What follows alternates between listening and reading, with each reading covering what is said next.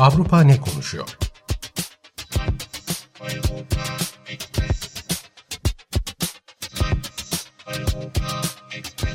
Avrupa medyasından yorumlar.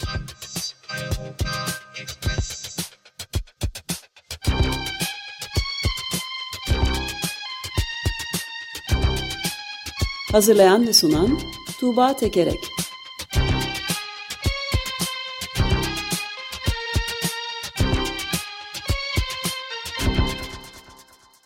Günaydın Tuğba, merhabalar. Günaydın Ömer Bey. Günaydın. Günaydın Özdeş. Evet, Avrupa ne konuşuyor diye soralım. Evet, Avrupa'nın oldukça yoğun e, bir gündemi var. Ee, biz de geçen hafta araya bayram girdiği için de program yapamadı, yapamadık. Ee, o yüzden anlatacak çok şey var. Yani ana gündemler e, işte Rusya-Ukrayna savaşı ve tabii Fransa'da olan e, e, bu göçmen kökenli Nail'in öldürülmesinin ardından yaşanan protestolar. Ben bu büyük olaylardan ziyade bugün daha böyle kenarda kalmış meselelere bakacağım. Onlar da büyük olaylara bağlanıyor bence. Fransa'da başlayalım.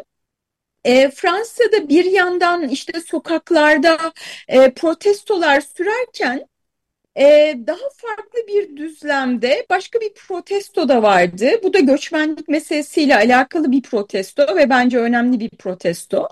Gazetecilerin protestosu. Fransa'nın önde gelen gazetelerinden bir tanesi pazar günleri yayınlanan e, Le Journal e, du Dimanche gazetesi çalışanları e, yaklaşık iki haftadır grev yapıyorlar. Niye grev yapıyorlar? Gazetelerine atanan aşırı sağcı yayın yönetmeniyle birlikte çalışmak istemiyorlar e, ve bu yayın e, yönetmenini protesto ediyorlar. Bu 75 yıllık prestijli gazetenin tarihinde ilk kez e, çalışanların bu grevi neticesinde iki pazardır e, gazete çıkmıyor. E, daha önce hiç böyle bir olay olmamış. E, bu aslında sadece bir yayın yönetmeninin atanması meselesi değil aslında daha büyük hani medyayla, siyasetle, toplumla ilişkili e, bir mesele. Neden e, bunu söylüyorum? E, önce şeye bakalım bu yayın yönetmeni Geoffroy Lejeune e, aşırı sağcılığıyla biliniyor. Daha önce yönettiği gazetede işte göçmen karşıtı manşetler atıyor ve gazeteye doğrudan bir ceza da verilmiş ırkçı e, aşağılamaları sebebiyle ve Cumhurbaşkanlığı seçimleri e, süresince de aşırı sağcı Erik e, Zemur'u e, desteklemiş. Böyle bir e, yayın yönetmeni geldi. E, işte prestijli Pazar Gazetesi'nin başına. Eski, da, eski yayın yönetmeni ne olmuş? E, eski Görevden yönet... mi alınıyor? Evet çünkü çünkü gazete e, yeni bir e, iş adamına satılıyor. Yani Fransa evet. Evet evet evet evet. Yani Fransa'da e, sağcı e, Vincent Bolloré isimli iş, iş adamı Fransa'da yavaş yavaş bir medya imparatorluğu kuruyor. Şimdiye kadar işte bazı gazeteleri, televizyon kanallarını almış ve bunları da hani e, deyim yerindeyse medya olmaktan, gazete olmaktan biraz çıkarmış. İşte daha reytinge, kutuplaşmaya e, yönelik e, haberler yapıyor. E, bilgi vermekten ziyade duygulara hitap eden, işte tart, e, hararetli tartışma programlarının olduğu işte kanallar haline e, getiriyor. E, böyle bir e, stratejisi var adamın. E, Liberasyon gazetesinde e, bu e, yeni e, bu iş adamının stratejisi şöyle anlatılıyor. Satın aldığı C News ve C8'in reytingleri yerlerde. Europe One'ın reytingleri ise gerçekten felaket. Paris Match dergisinde de işler iyi gitmiyor. Journal e, du Dimanche'da çok e, yakında çok sayıda okuyucu kaybedecek. Ama kimin umurunda ki prodüksiyonu hayli ucuz. Tüm bu yayınlar merak uyandırıyor.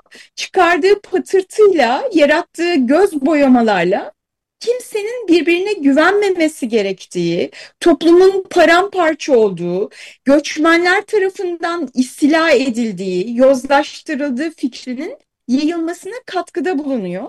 Bu sayede de iyi bir otoriter yönetime ihtiyacımız olduğu algısını hakim kılıyor. Haber değil kutuplaşma, tabiri caizse gazeteciliğin ölüm ilanı e, diye anlatmış Liberasyon gazetesi bu iş adamının bu siyasetçilerle e, ve aslında siyasetle de e, içli dışlı olan e, süreci. Yani Fransa'da aslında aşırı sağın yükselişine paralel e, bir şekilde aşırı sağ bir medyada kuruluyor. Burada işte göçmenlere ilişkin olarak e, hani göçmenlerden rahatsız olanların, o vatandaşların istediği haberleri e, sunan e, bir takım medya kurumları e, oluşturuluyor. E, şimdi bu gazete önde gelen bir gazete olduğu için bardağı taşıran son bir damla gibi olmuş ve e, kamuoyunda, siyasi çevrelerde de e, gazetecilerin grevine e, oldukça ciddi bir destek var. Sınır tanımayan gazeteciler çağrı yapmış ve bu çağrıya bin kişi katılmış ve bir protesto gösterisi düzenlemişler. E, ayrıca işte rap şarkıcılarından film yapımcılarına yüzlerce ünlü insanın imza verdiği bir açık mektup e, yayınlanıyor. Ve bu mektupta e, Fransa'da ilk kez büyük ulusal yayın organı aşırı sağ bir kişilik tarafından yönetilecek. Bu hepimizi kaygılandıran tehlikeli bir gelişme deniyor. E, Kültür Bakanı da işe müdahil olmuş ve diyor ki hani gazete nasıl istiyorsa öyle bir gazete olabilir. Ama Cumhuriyet'in değerleri söz konusu olduğunda alarma geçmemek, kaygı duymamak mümkün değil e, demiş. E, çalışanlar anladığım kadarıyla her gün kendi aralarında oylama yapıyorlar.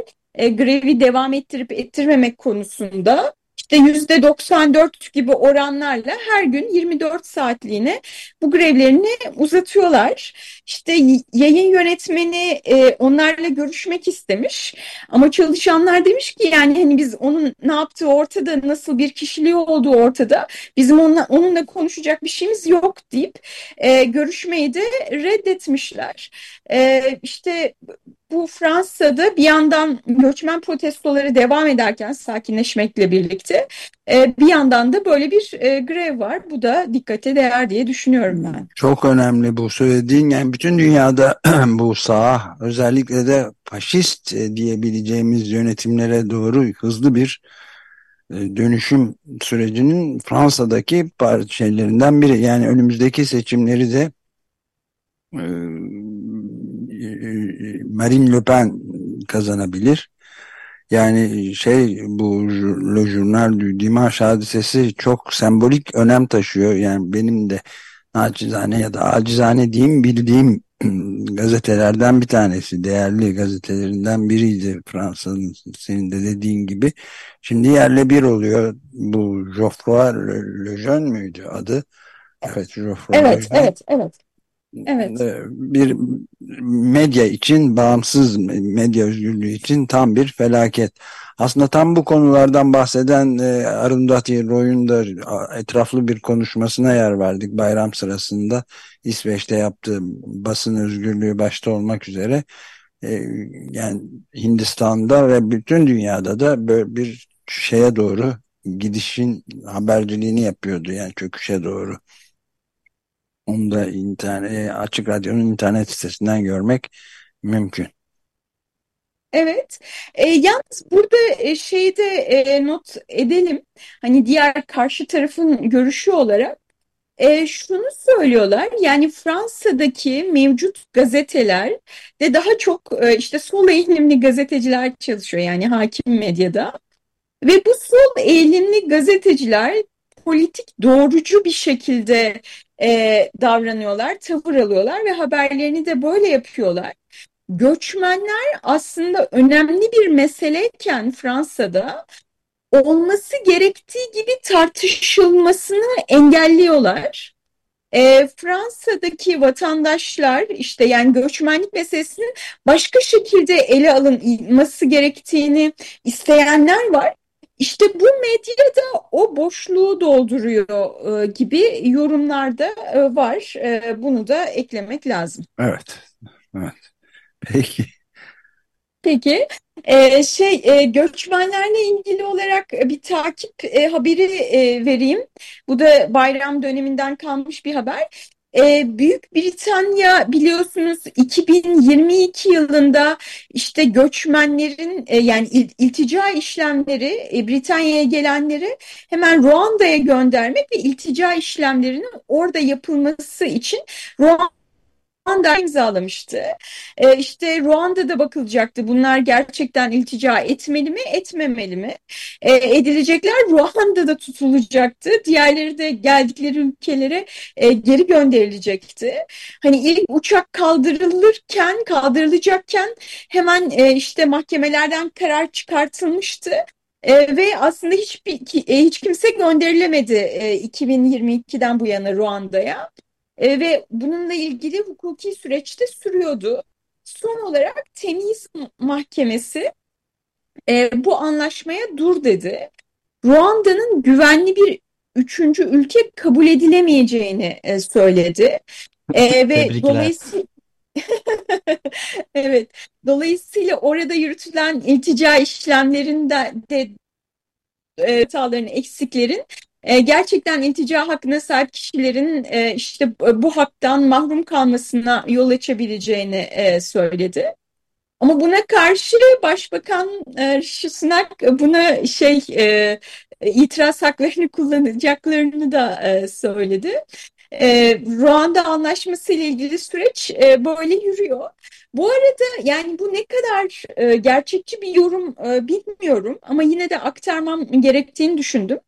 Almanya'da yayınlanan Taz gazetesi bunun e, pek çok e, uluslararası göçmenler konusunda yapılan uluslararası anlaşmaya yansımaları olabileceğini Türkiye ile AB arasındaki anlaşmaya da yansıması e, olabileceğini e, söylüyor. Şöyle diyor, kararın AB için de sonuçları olacak. Ee, Avrupa Birliği ve Türkiye arasındaki anlaşma Yunanistan'ın sığınmacıları hiç mahkemeye çıkarmadan Türkiye'ye doğrudan iade etmesini ya da hiç kabul etmemesini sağlıyor. Öte yandan Türkiye'de de siyasetin en üst makamlarında Suriyeli sığınmacıların kendi istekleri dışında Suriye'ye sınır dışı edilmeleri tartışılıyor. E, Londra'dan çıkan bu karar kıstas alınırsa Türkiye ile yapılan anlaşma kadük hale gelecek. Bu yalnızca teorik bir tespit değil. E, Avrupa İnsan Hakları Sözleşmesi yalnızca ABD'de değil, bütün Avrupa'da geçerli demiş. Yani bu anlaşmanın e, hukuken Türkiye için de sonuçları olabileceğini ya da en azından e, bu konuda bir e, bu konudaki argümanların bir parçası e, olabileceği de söyleniyor. Bunu da burada iletmiş olayım. Evet. Yani çok parlak bir tablo ortada değil. Zaten biraz önce senden e, önceki dün ve bugün de Bikem Ekberzade ile de Avrupa'da e, bu özgürlükler konusunda yani iklim ve diğer konular e, diğer sorunlar konusunda neler yapılabileceği konusunda ciddi görüş ayrılıkları falan olduğunu da ilave etmek lazım. Evet, e, yani bütün bunların arasında hani ne kadar iyi bir haber e, 150 yıl sonra gelen bir özürden e, bahsedeyim. Hmm. E, Hollanda Kralı Willem Alexander Hollanda'nın kölelik düzenindeki dahli için ve bunun bugüne kadar süren etkileri için özür diledi. E, köleliğin Hollanda Hollanda'da resmi olarak kaldırılmasının 160. 160. yıl dönümünde diledi bu özrü. E, şöyle dedi, insanlığa karşı işlenen bu suç için özür dilerim. Bu sözlerin ağırlığını kalbimde ve ruhumda hissediyorum e, dedi. ve ırkçılığın bugün de Hollanda'da sürmekte olduğunu, herkesin kendisinin bu özrünü desteklemeyeceğini belirtti. Ancak zaman değişti, zincirler gerçekten kırıldı diye konuştu. Ee, kral aynı zamanda kraliyetin tüm bu kölelik sürecinde neler yaptığına dair işte kapsamlı bir araştırma da yaptırtıyor halen. Sonuçları 2025'te e, açıklanacak. E, özür konuşmasında şunu da söyledi. Tanıma ve özürden sonra yaraların sarılması, uzlaşma ve restorasyon için neler yapılacağı konusunda hep birlikte çalışabiliriz dedi. Yani dolayısıyla bundan sonra işte uzlaşma, restorasyon, e, belki tazminat e, bunlara dair de bir e, sinyal vermiş oldu. E, ama yani medyaya baktığımızda bir kısım gerçekten işte bu şeyi bu adımı övüyor. Ama e, Hollanda'dan de Telegraf gazetesinde şöyle bir yorum var.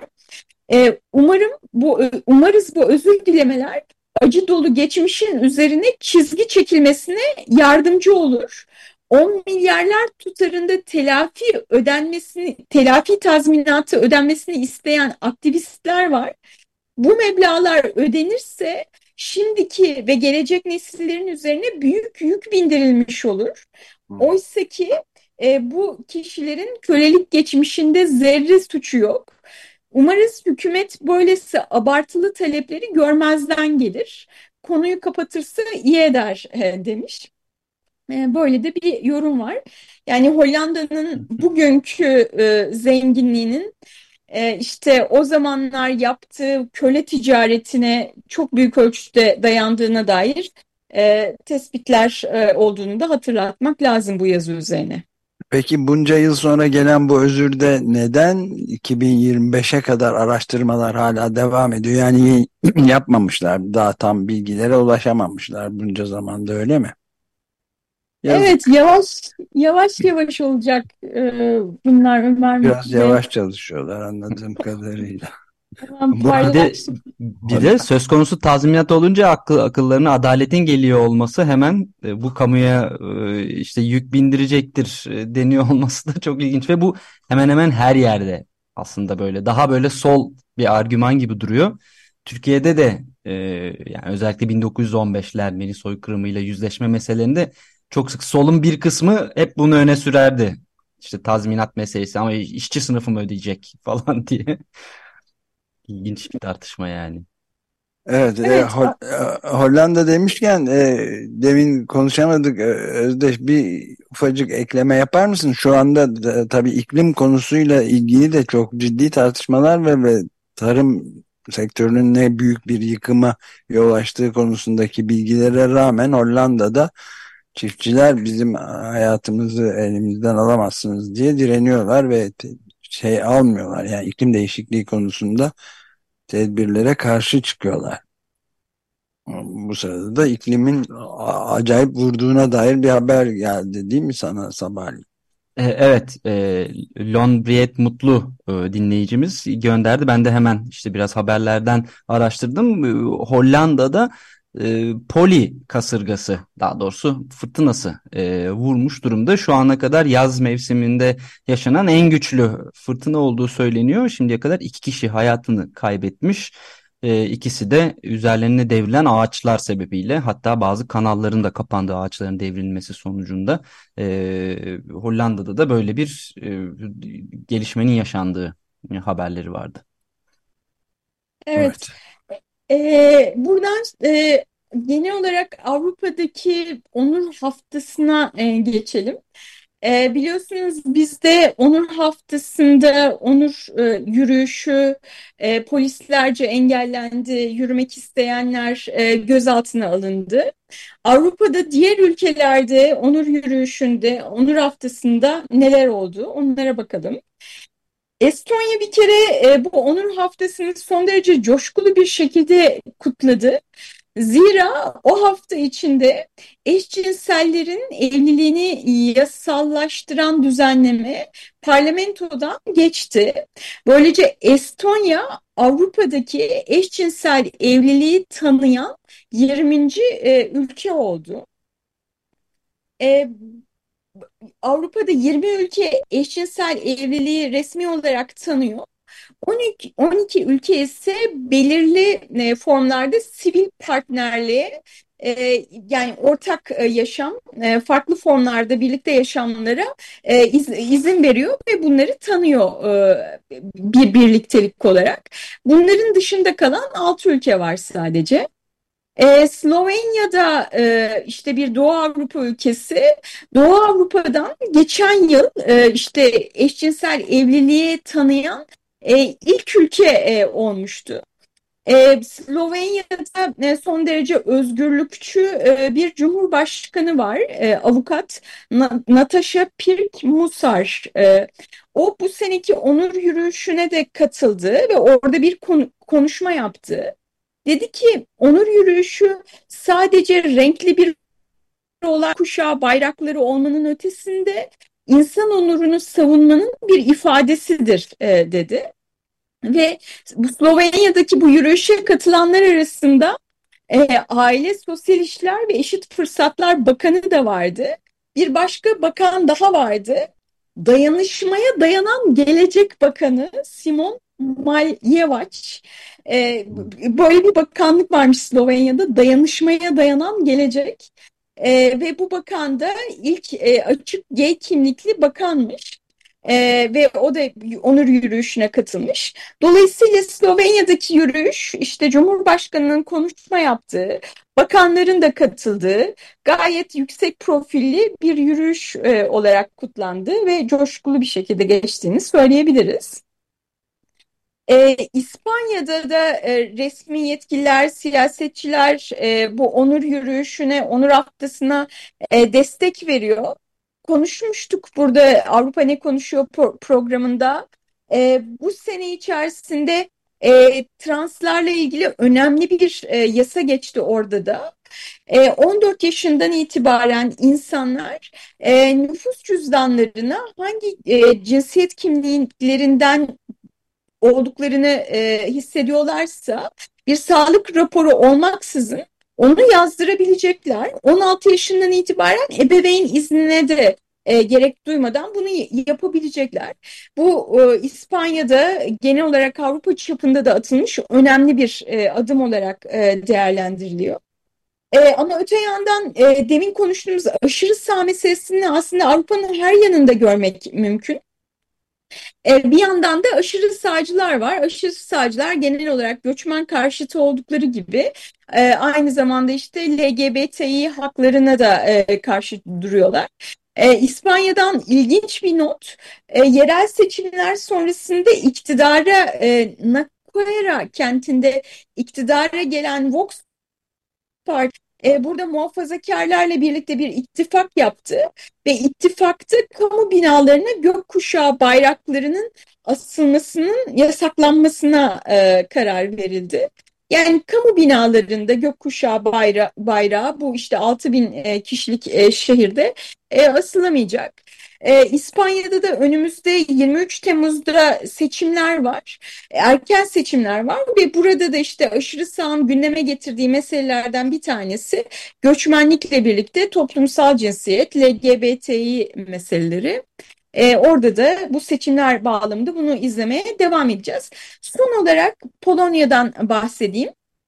Polonya'da da biliyoruz ki e, işte sadece bir hükümet var.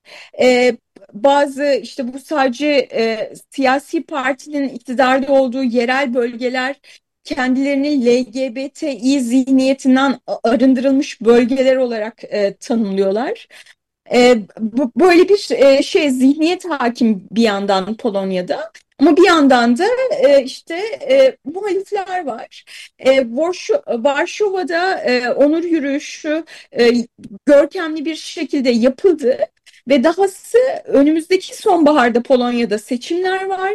Muhalifler e, işte iktidara gelebileceklerini düşünüyorlar. Ve yani bakar işte Estonya'daki gibi eşcinselliğin yasallaştırılması, eşcinsel evliliğin e, yasallaştırılması bizim ülkemizde de e, olabilir e, diyorlar. E, bir yorum aktarayım. Bir e, antropolog yazmış e, Polonya'daki bir gazetede. Şöyle diyor. E, pazar günü Varşova sokaklarında görkemli bir onur yürüyüşü gerçekleştirildi. Şehirdeki kutlamalar günün ilk ışıklarına kadar sürdü. Estonya'dan gelen haberi olumlu bir işaret olarak görüp rehber edinebiliriz.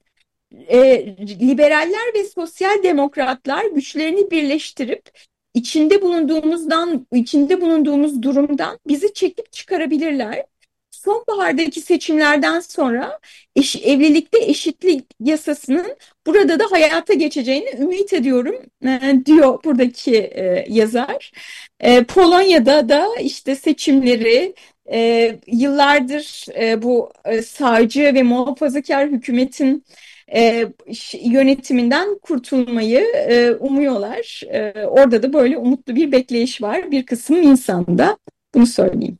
Evet e, olabilir mi bilmiyorum tabii yani çok Katolik geçmişiyle de çok yer etmiş olan ve sağcı politikalarla da adam akıllı ön planda olan bir ülkeden bahsediyoruz. Bakalım yani umut verici tabii gelişmeler bir kısmı da bunlar senin söylediğin.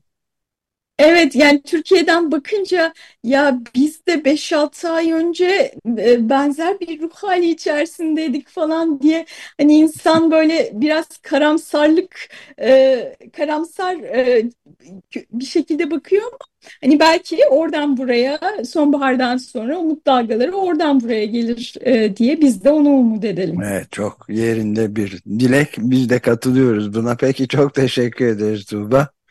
Ben teşekkür ederim. Görüşmek ee, üzere. Gelecek hafta görüşmek üzere. Görüşmek üzere.